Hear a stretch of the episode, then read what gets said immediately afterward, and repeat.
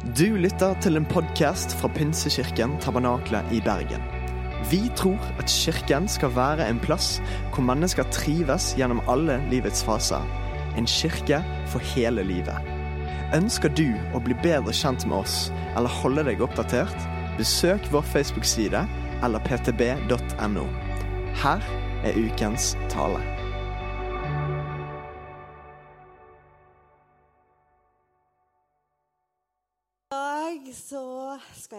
Jeg noe som jeg egentlig har skikkelig på hjertet. Jeg brenner for det jeg skal dele. Og, eh, og jeg lever for det, og jeg syns det er skikkelig spennende. Og jeg gleder meg til å dele det med dere. Så nå kan dere gjette hva det er. Nei da. Nei. Dere, i høst så har vi hatt eh, to veldig bra eh, serier, syns jeg, gående her i kirken som har eh, dreid seg om grunnleggende sannheter som eh, vi tror på. Først så delte vi om vår felles trosbekjennelse. Alle disse tingene som vi tror på. Og så har vi hatt fire søndager nå hvor vi har delt om det som vi kan lese om i Apostlenes gjerninger 2.42. Om at de holdt fast ved apostlenes lære, altså Bibelen, Guds ord, fellesskapet, nattverden og bønnene. Så viktige ting som eh, de trodde på og holdt fast ved, og som vi også ønsker å gjøre. Men så tenkte jeg litt da, i etterkant av disse seriene Så hvem er vi, og hvem er de? Og det er egentlig det jeg har lyst til å snakke litt om i dag. Eh, hvem er vi? Jo, vi er kirken. Eller kanskje menigheten. Vi bruker de to ordene litt om hverandre. Og hvem er vi? Hva er kirken? Hvor er kirken? Og hvorfor kirken? Kanskje litt av de spørsmålene som jeg har lyst til å dele litt om. Nå blir det ikke sånn kjempestrukturert. Jeg bare håper det blir bra. og så gikk jeg til Jeg liker å google ting. Og så må man jo egentlig vite hva man snakker om, så jeg tenkte at ok, jeg får jo få tak i definisjonen av kirke. Så jeg gikk nå til uh, Wikipedia, da. Og så leste jeg om kirken. Og egentlig er det tre ting som uh, betegner i dagligtale kirke. Og det første er en bygning for kristen kult, et gudshus. Ok, den kan vi fjerne. Det er det ikke jeg skal snakke om i dag. Dette lokalet kunne jeg snakket masse om, men ikke i dag. Så den legger vi vekk. ok? Nei, benevnelsen for Guds folk. Forsamling av den som bekjenner kristen tro. Det er noe av det jeg har lyst til å snakke om i dag. Eller også for et kristent trossamfunn eller menighet. Mer avgrenset forstand, f.eks. Den norske kirke eller pinsebevegelsen. Litt av det jeg skal snakke om. Men det er det først og fremst det første Guds folk. Og så har vi ordet menighet, som egentlig betyr fellesskap. Og det kan være et lokalt, geografisk distrikt innen en religion med medlemmer som bor på et bestemt sted, og som kommer sammen i samme forsamlingshus. Ja, Der har du definisjonen på menighet. Også I overført betydning så kan det også være en gruppe personer med samme mening eller felles sak som de står for. Jeg har uh, hatt et forhold til kirke i hele mitt liv. Jeg vokste opp med en mamma og pappa som hadde veldig tro på kirken. Vi var fem søsken, og jeg er egentlig ganske imponert over de. Fordi vi gikk på søndagsskole på formiddagen, men hver eneste søndag ettermiddag når klokka var seks, da var vi på kirken i salen Halden. Altså, det må jo ha vært en kamp å ha oss der. Fra vi var små, liksom. Bare bråk og styr. Men allikevel. Det var det de hadde bestemt. Vi skulle gå til kirken hver eneste søndag. Og jeg kan huske lange sanger som aldri tok slutt. Jeg kan huske lange prekener. Og jeg syns jo de var kjedelige også, fordi jeg forsto ikke noe av det. Og de ble jo aldri ferdig. Så min trøst var disse pastillene jeg hadde fått, og, ha, og kanskje tegneblokka. Jeg kan også huske inderlige ettermøter. Og i perioder så syntes jeg det var så urettferdig at jeg hver eneste søndag måtte gå på dette møtet. Fordi Spesielt så hadde jeg en venninne som bare var i nabolaget i helga og på søndag. Og jeg syntes det var så kult å være sammen og leke med henne. Og når klokka var sånn fire på søndag ettermiddag, liksom, da ble jeg kalt hjem, for da skulle vi på møte. Men allikevel så må det ha gjort inntrykk på meg. Fordi allerede når jeg var ni år, så bestemte meg for at jo, jeg vil følge Jesus. Da hadde jeg et personlig valg. Og jeg ville være med i denne kirken som mamma og pappa hadde dratt meg med i. Og så er det kanskje noe av det jeg er mest takknemlig for i dag, at de nettopp gjorde det. At de viste meg veien til Gud og til kirken. I denne tida som jeg vokste opp, så fikk jeg også se litt av baksiden av hva en menighet kan være. Det var mye uenigheter, det var mye for og imot. Det var eh, menighetsmøter som man helst skulle vært foruten. Og så vokste jeg midt opp i denne striden hvor det var veldig hett angående lovsang eller evangelietoner. At jeg nærmer meg jo 50 år, så det kan hende at jeg har opplevd veldig mye av det et menighetsliv kan by på. Men eh, jeg vil ikke bytte det bort allikevel. Og jeg er sikker på at du sitter her også med din historie når det gjelder menighet. Den kan være lang, eller den kan være veldig kort, eller kanskje han ikke har begynt i det hele tatt. Men vet dere hva? Kirken det er ikke noe menneske som fant på. Det var Guds idé. Han eh, hadde en plan. Han hadde en hemmelighet. Og Jesus han snakker først om kirken i Manteus 16, 18. Og det er når han snakker med Peter, og så sier han til Peter, 'Du er Peter.' Der og da fikk Simon, som han hadde hett til da, et nytt navn. Men så sier han på denne klippen, og det var på seg selv han sa da, vil jeg bygge min kirke, og dødsrikes porter skal ikke få makt over den. Jesus var klippen, og han ville bygge sin kirke. Jeg gjentar det sin kirke. Jeg hørte en som talte i går. Han sa det. Hver gang jeg gjentar det jeg sier, så er det veldig viktig. Jo, jeg, derfor Jesus sa, 'Jeg vil bygge min kirke'. Og Gud, han hadde tenkt på dette her i lang tid. Paulus han skriver litt om det i flere av brevene sine. Og han forklarer litt. Og vi skal lese sammen i Efeserne 2, 12 og litt utover. Og han snakker om et mysterium, han snakker om en hemmelighet. Husk at dere en gang var uten Kristus, utestengt fra borgerretten i Israel. Uten del i paktene og løftet, ja, uten håp og uten Gud i verden. Men nå, i Kristus Jesus, er dere som var langt borte, kommet nær på grunn av Kristi blod. Derfor er dere ikke lenger fremmede og utlendinger. Nei, dere er de helliges medborgere og Guds familie. Det ordet jeg har lyst til å gjenta. Guds familie. Så kan vi lese videre i Efeserne 3 og 3. I en åpenbaring ble mysteriet gjort kjent for meg. Jeg har ovenfor skrevet ganske kort om dette. Og når dere hører det opplest, kan dere skjønne i hvilken innsikt jeg har, hvilken innsikt jeg har i Kristi mysterium det var ikke gjort kjent for menneskene i tidligere slekter, men nå er dette mysteriet ved Ånden blitt åpenbart for Hans hellige apostler og profeter. At hedningene har del i samme arv, samme kropp og samme løfte i Kristus Jesus ved evangeliet. Det skjer noe nytt når Jesus kommer. Og Det var så herlig når vi sang bare de sangene tidligere her og proklamerte hva Jesus gjorde. Han kom. Han gikk til korset, han døde, og han sto opp igjen. Og derfor så ble dette skillet mellom jødene og hedningene viska ut. Vi får del i det løftet. Vi får ta imot, og vi får være med. Og jeg tror at dette var vanskelig for apostlene å forstå. Vi kan lese om at de måtte ha flere menighetsmøter på det. egentlig. Gud måtte åpenbare seg skikkelig for de, og gi de egentlig inn med teskjeer for at de skulle forstå at hedningene hadde del i dette store, denne familien, eller det Gud hadde tenkt. Sitt folk.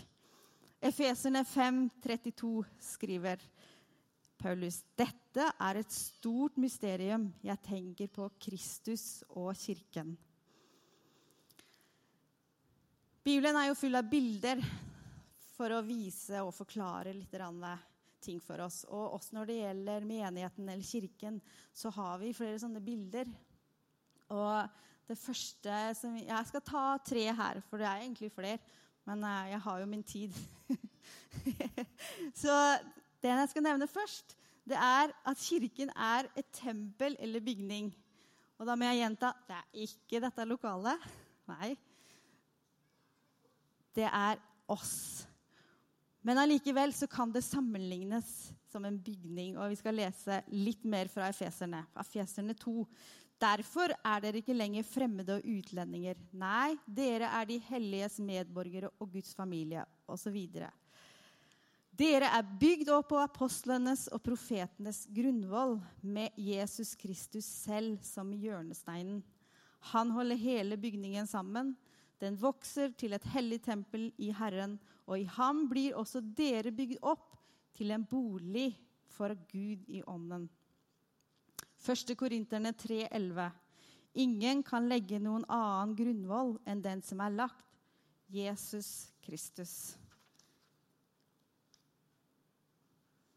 så det, betyr det egentlig at vi er et tempel, at kirken er et tempel. Det betyr at dere vet, altså Jeg er jo ikke bygningsmann. I hvert fall ikke mann.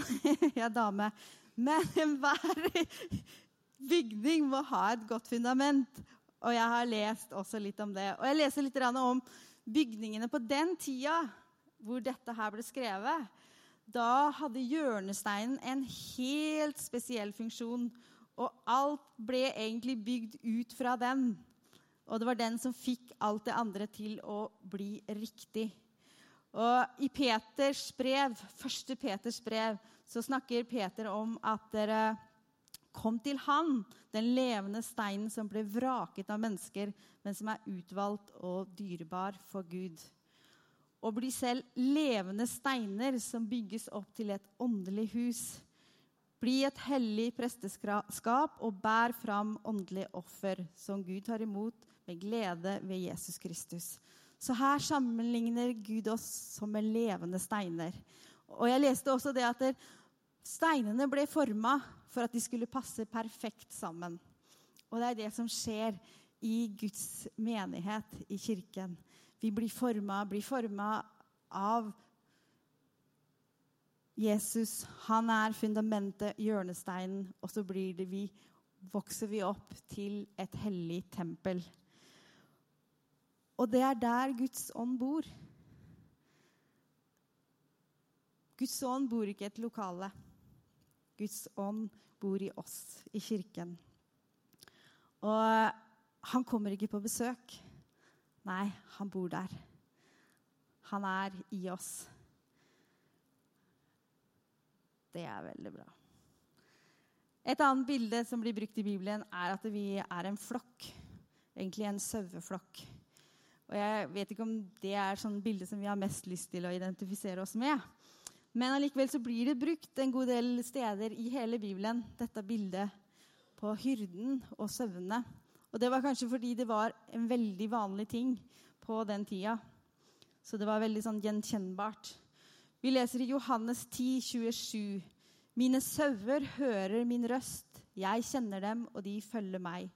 Jeg gir dem evig liv. De skal aldri i evighet gå tapt. Og ingen skal rive dem ut av min hånd. Jesus sier selv at han er den gode hyrde, og sauene kjenner han. Han leder dem og beskytter dem som en god hyrde gjør. Han går sammen med dem. Jesus går sammen med oss. Og så leter han etter den som har blitt borte. Han bryr seg om hver eneste en av oss. Og så måtte jeg google litt igjen, da.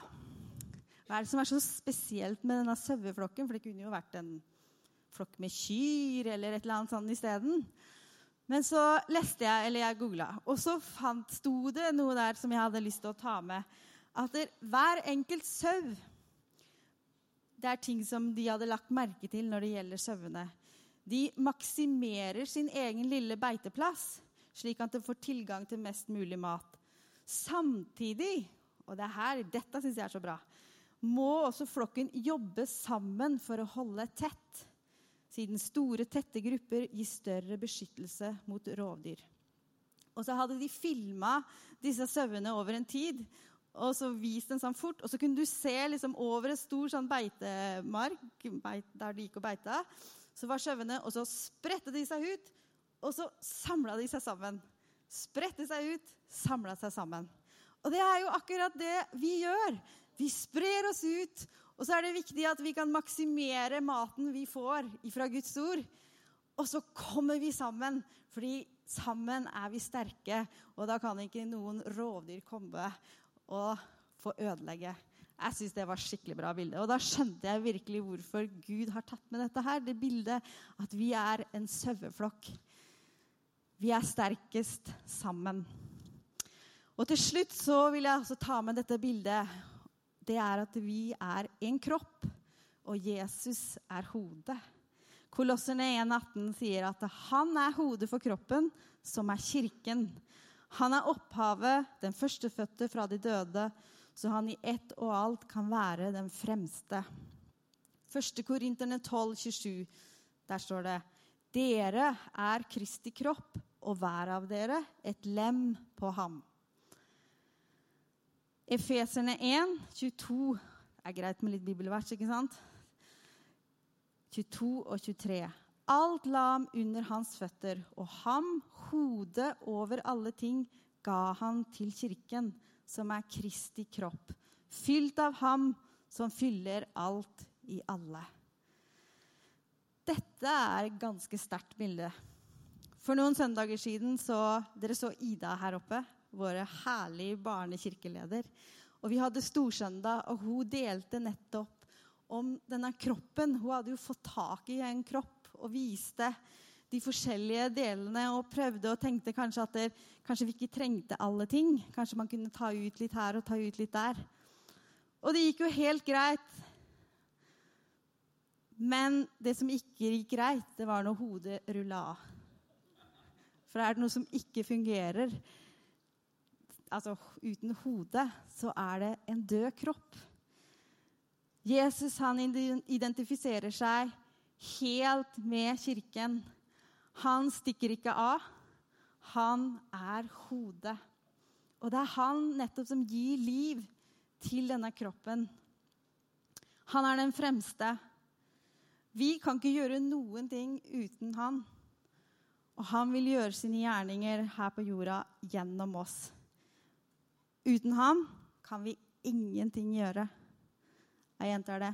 Uten ham kan vi ingenting gjøre.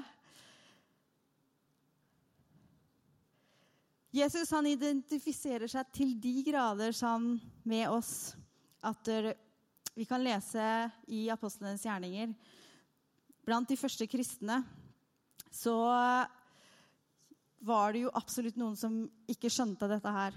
Paulus han var en religiøs leder. Og Han trodde han gjorde Gud en tjeneste når han prøvde å bli kvitt de første kristne. Så Han hadde laga en skikkelig aksjon på at nå skulle vi virkelig få tatt dem.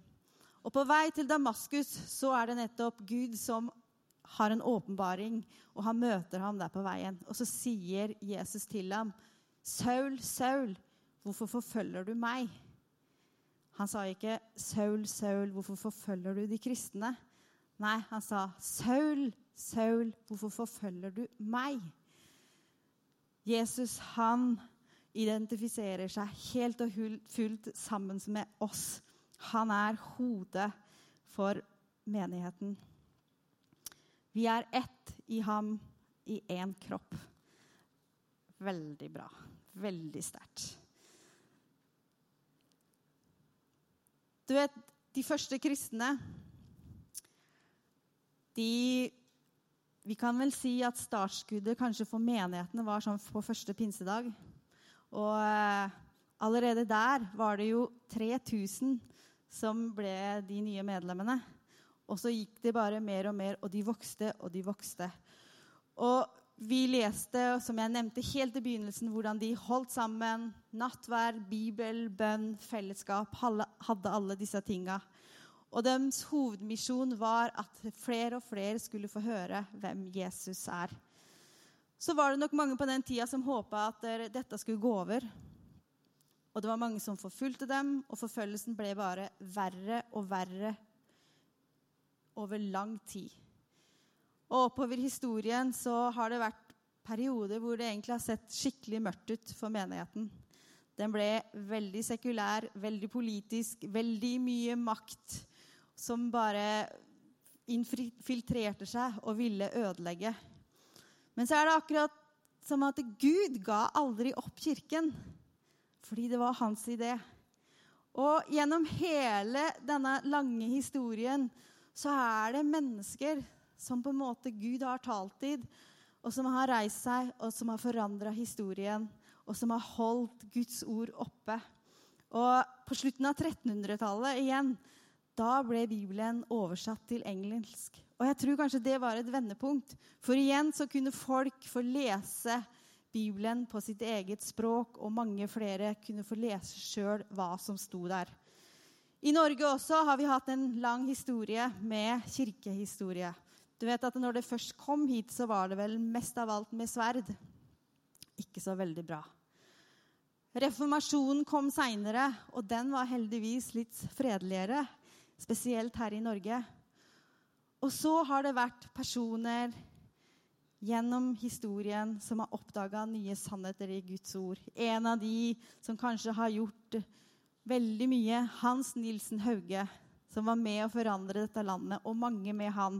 De sto opp for sannheter, gikk i bresjen, og menigheten besto, og den vokste seg fram. Og så er vi kommet fram helt til i dag, 2018, og her er vi, Guds menighet i Bergen, samla på forskjellige steder i byen. Kirken den er jo både lokal, men den er også universal. Og den sprer seg utover hele verden. Den går inn i alle kulturer, i alle språk. Og det er ingenting som kan stoppe den. Fordi Gud vil at alle skal bli frelst. Gud vil at alle skal kjenne sannheten. Og jeg tror kanskje at kanskje er vi i innspurten nå. Kanskje skal vi bare få se at det går enda fortere, og at det vokser mer. Fordi jeg tror kanskje at Gud har hast med at mange skal få høre om Han. Og de lokale kristne menighetene de kan være veldig forskjellige. De kommer i alle former, alle størrelser. Og jeg har bare lyst til å fortelle dere en liten historie. Noen av dere vet at jeg, vi har vært misjonærer i Spania, men også i Argentina. Og En gang som vi kom tilbake til Argentina, så skulle vi være med opp i en liten landsby som heter La Poma, og enda lenger opp. Altså veldig, veldig langt unna. Til jordens ende, vil jeg kanskje kalle det. Du vet, Når du først drar til Sør-Amerika, så drar du derfra opp til en liten landsby. Og så drar du derfra igjen en time over bare noen sandveier. Og så kommer du egentlig Helt til slutt så kom vi til et lite hus uten strøm, uten innlagt vann. Og da var vi en gjeng med nordmenn og svensker. Og så møtte vi en liten gruppe der med urbefolkning fra Argentina oppe i fjellene. Og jeg husker jeg satt der. Vi satt i et sånt mørkt rom. Alle disse svenskene og norskene på ene sida, og så de på andre sida. Så tenkte jeg å, hjelp, så forskjellige vi er. Jeg følte meg veldig malplassert inni den lille gruppa. Og vi hadde liksom ikke noe å snakke om. Det var veldig rart. Men midt i det rommet så samla vi oss om Gud, og så delte vi nattverd sammen. Og det er helt utrolig hvordan på en måte, vi som på en måte ikke hadde noe med liksom Visste ikke hvordan vi skulle kommunisere, kunne dele dette, nattverden, Plutselig så var vi søstre og brødre. Plutselig så hadde vi noe felles. Plutselig så bare kjente vi at Guds ånd var der. Og da var vi, da var vi på bølgelengde. Helt fantastisk opplevelse den gangen. Jeg glem, kommer nok ikke til å glemme det. Og jeg har jo hatt flere sånne, men den var veldig spesiell. Og sånn er det. Gud han kommer inn overalt. I de enkleste hytter og også inn i de største palasser. Der mennesker tar imot ham, der er han. Så er det noen hovedingredienser som må til for at kanskje man kan kalle seg en menighet. Og Det var egentlig det jeg starta med i dag. Vi har en felles trosbekjennelse og disse tinga som er viktige. Så kan du kanskje spørre deg ok, jeg tenker nok de aller fleste her allerede er det. Men hvordan blir man en del av kirka som jeg har snakka om? Av denne kirken? Først av alt har jeg lyst til å si at der, kirken er ikke for de perfekte. Det er ikke for de som får det til. Altså, du kan få det til, men det er ikke sånn at du må gjøre det. Nei, vi er egentlig bare en gjeng som har blitt tilgitt av Gud. Og vi trenger ikke å pynte på oss for å komme. Det fins ingen kleskode for å være med. Og du kan ikke ha gjort noen ting som gjør at du ikke er kvalifisert. Men det aller viktigste som du kan gjøre, det er bare å vende om og ta imot Jesus som din frelser. Bare ta imot det herlige budskapet han har til deg, og gjøre han til herre i livet ditt. Og så deretter så er det dåpen en naturlig etterfølger. Og Jeg skal ikke snakke så mye om det, men det jeg vil si, det er det at det, er ikke noe vi tar lett på, egentlig. I Bibelen så er det en viktig ting. Jesus viste det selv ved å bli døpt. Og Vi kan også lese det i misjonsbefalingen. Der er dåpen sentral. Jesus sa, 'Gå derfor ut og gjør alle folkeslag til disipler idet dere døper dem.' Og På første pinsedag, hvor jeg sa at det var 3000 som kom, ble lagt til menigheten, så står det også at de ble døpt. Så det er noe som hører med. Ganske godt knytta til det å ta imot Jesus og la seg døpe. Jeg vet at det kan være veldig forskjellig syn på dåp. Og her i kirken så tror vi jo det at man tar imot Jesus, og så lar man seg døpe. Og Det er en fantastisk symbolsk handling også. At du vil bare legge det gamle livet fra deg. Du vil tilhøre Jesus, og du vil være en del av Guds kirke. Men det er aldri for sent å døpe seg. Du tenker kanskje det at ja, jeg har vært kristen så lenge, og jeg har liksom ikke fått gjort det og utsatt det, og så, så syns du kanskje det er flaut. Men du, det er aldri for seint. Og det er aldri flaut. Det er bare veldig fint, og det er viktig.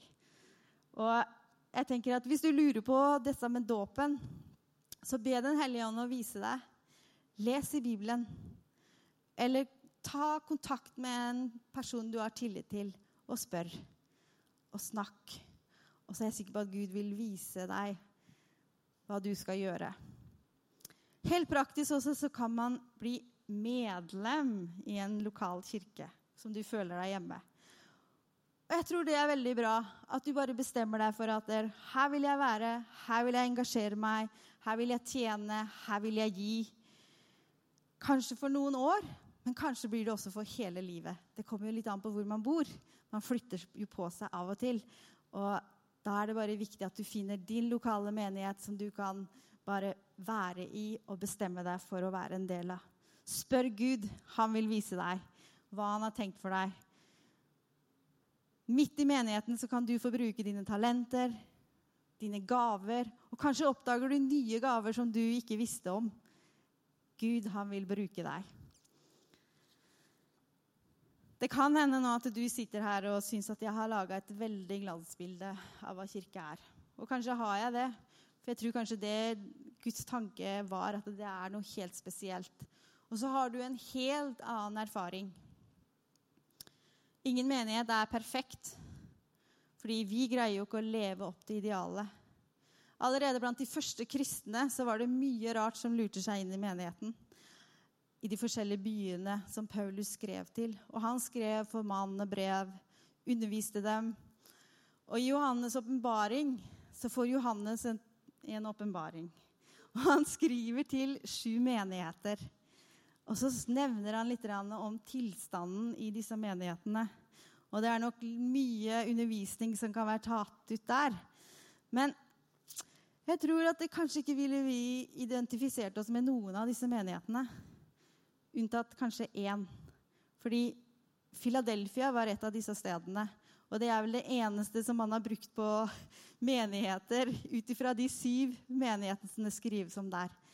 Men allikevel, hvis du går inn og leser i, i Johannes' åpenbaring, kapittel 2 og kapittel 3, så kan du nok kanskje kjenne, at, okay, kjenne deg igjen i noen ting. Hvordan det var der, og hvordan det kan være blant oss. Jeg vet at uh, i forskjellige menigheter har det skjedd ting som absolutt ikke har vært bra. Ting som ikke var Guds idé. Harde ord har blitt sagt. Ledere har skuffa. Eller det har vært så trangt at og så mye menneskeregler at kanskje har vi bare skjøvet mennesker ut av kirka. Det kan være, og jeg vet at det er mange triste historier. Men allikevel så jeg ikke, vil jeg bare oppmuntre deg til å ikke miste troen på Kirken. Fordi hvis Det er ikke bare Kirken du mister hvis du mister troen på Kirken. Men det er også så lett å miste troen på Gud samtidig. Fordi om mennesker svikter fordi vi er mennesker, men Gud svikter ikke. Og han har ikke gitt opp Kirken, så vi må heller ikke gjøre det. Jeg var, eh, mens jeg forberedte meg, så prøvde jeg og gikk jeg litt inn og så leste jeg litt i noen teologibøker som jeg har fått på HLT. Og så sto det der en kjent teolog. Jeg kjenner han jo ikke, men det sto at han er sikkert kjent. han sier i en av sine bøker og Nå siterer jeg bare sånn fritt oversatt fra engelsk, men jeg syns det var veldig bra. Det finnes ikke noe helt privat kristendom. For å være i Kristus er å være i Kirken. Og å være i kirken er å være i Kristus. Ethvert forsøk på å skille en trosrelasjon med Kristus fra medlemskap i kirken er et avvik fra den nytestamentlige forståelsen. Det var hans ord. Jeg syns de var bra. Derfor er det egentlig ikke mulig å ha en sånn eksklusiv, privat forhold til Gud. Før så snakka vi om å være personlig kirke kristen, og da tenkte vi at man hadde en personlig tro. Men i dag har kanskje det ordet fått en ny betydning, fordi at kanskje man er en personlig kristen, så ingen andre vet om det. Det var aldri det Gud hadde tenkt. Han ville at vi skulle være i et fellesskap. Og så tenkte jeg, hva hadde Den hellige ånd sagt om Pinsekirken Tabernakelet? Jeg tror at først og fremst hadde han sagt at han elsker oss, og at han ga seg selv for oss. Og at vi er satt her til med en veldig stor hensikt. Tabernakelet har fått bety mye for mange, men Gud har mye mer for oss. Og som jeg sa i begynnelsen, så jeg, jeg vet ikke, men jeg er skikkelig gira på menighet, liksom. Jeg har alltid vært det. Jeg ble en kristen, vokste inn i tjenester. Egentlig så var jeg skikkelig beskjeden, men fikk gå mine skritt for skritt. Og bare bli bedre og bedre kjent med Gud. Og så følte jeg på en måte at han kalte meg. Og jeg tror ikke at det var liksom noe spesielt med meg. Jeg tror Gud kaller oss alle sammen. Og jeg bare tenkte det at kirken, det er Guds under. Det er det redskapet Gud vil bruke for å vinne verden. Og jeg ga meg helt til det. Og jeg vil bare være med på den måten jeg kan, helt til han kommer, eller han tar meg hjem først. Det får vi se hvilken rekkefølge. Men eh, jeg bare elsker Gud, og jeg elsker kirken. Og jeg har lyst til å bare gi mine krefter og mitt liv til han og til dette redskapet som det var Guds tanke å ha her på jorda. Helt til slutt vil jeg dele to forskjellige bibelsitat med dere. Filippenserne 1, 3-6. Jeg takker alltid Gud når jeg tenker på dere. Og dette kan Det var Paulus som skrev dette i Feserne, men jeg følte at jeg ville si det til dere. Jeg takker alltid Gud når jeg tenker på dere, og alltid i mine bønner ber jeg for dere med all glede. For fra første dag og fram til nå har, del, har dere hatt del med meg i evangeliet. Og jeg er trygg på at Han som begynte sin gode gjerning i dere, skal fullføre den, helt til Kristi dag. Og så ønsker jeg bare også å si over kirken her og i Hordaland og i Norge det som Paulus eh, skriver også i Apostel, Lukas i Apostlenes gjerninger skriver. Kirken hadde nå fred over hele Bergen, Hordaland, Norge, Europa Jeg vet ikke. Den ble bygd opp og levde i ærefrykt for Herren. Og den vokste, styrket av Den hellige ånd. Åh, la det bli sagt om oss. La det være din bønn. Bare ha det også som ditt bønneevne. At vi kan bety mye for mange. Vi har en vei å gå, men Gud, Den hellige ånd, vil vise oss veien.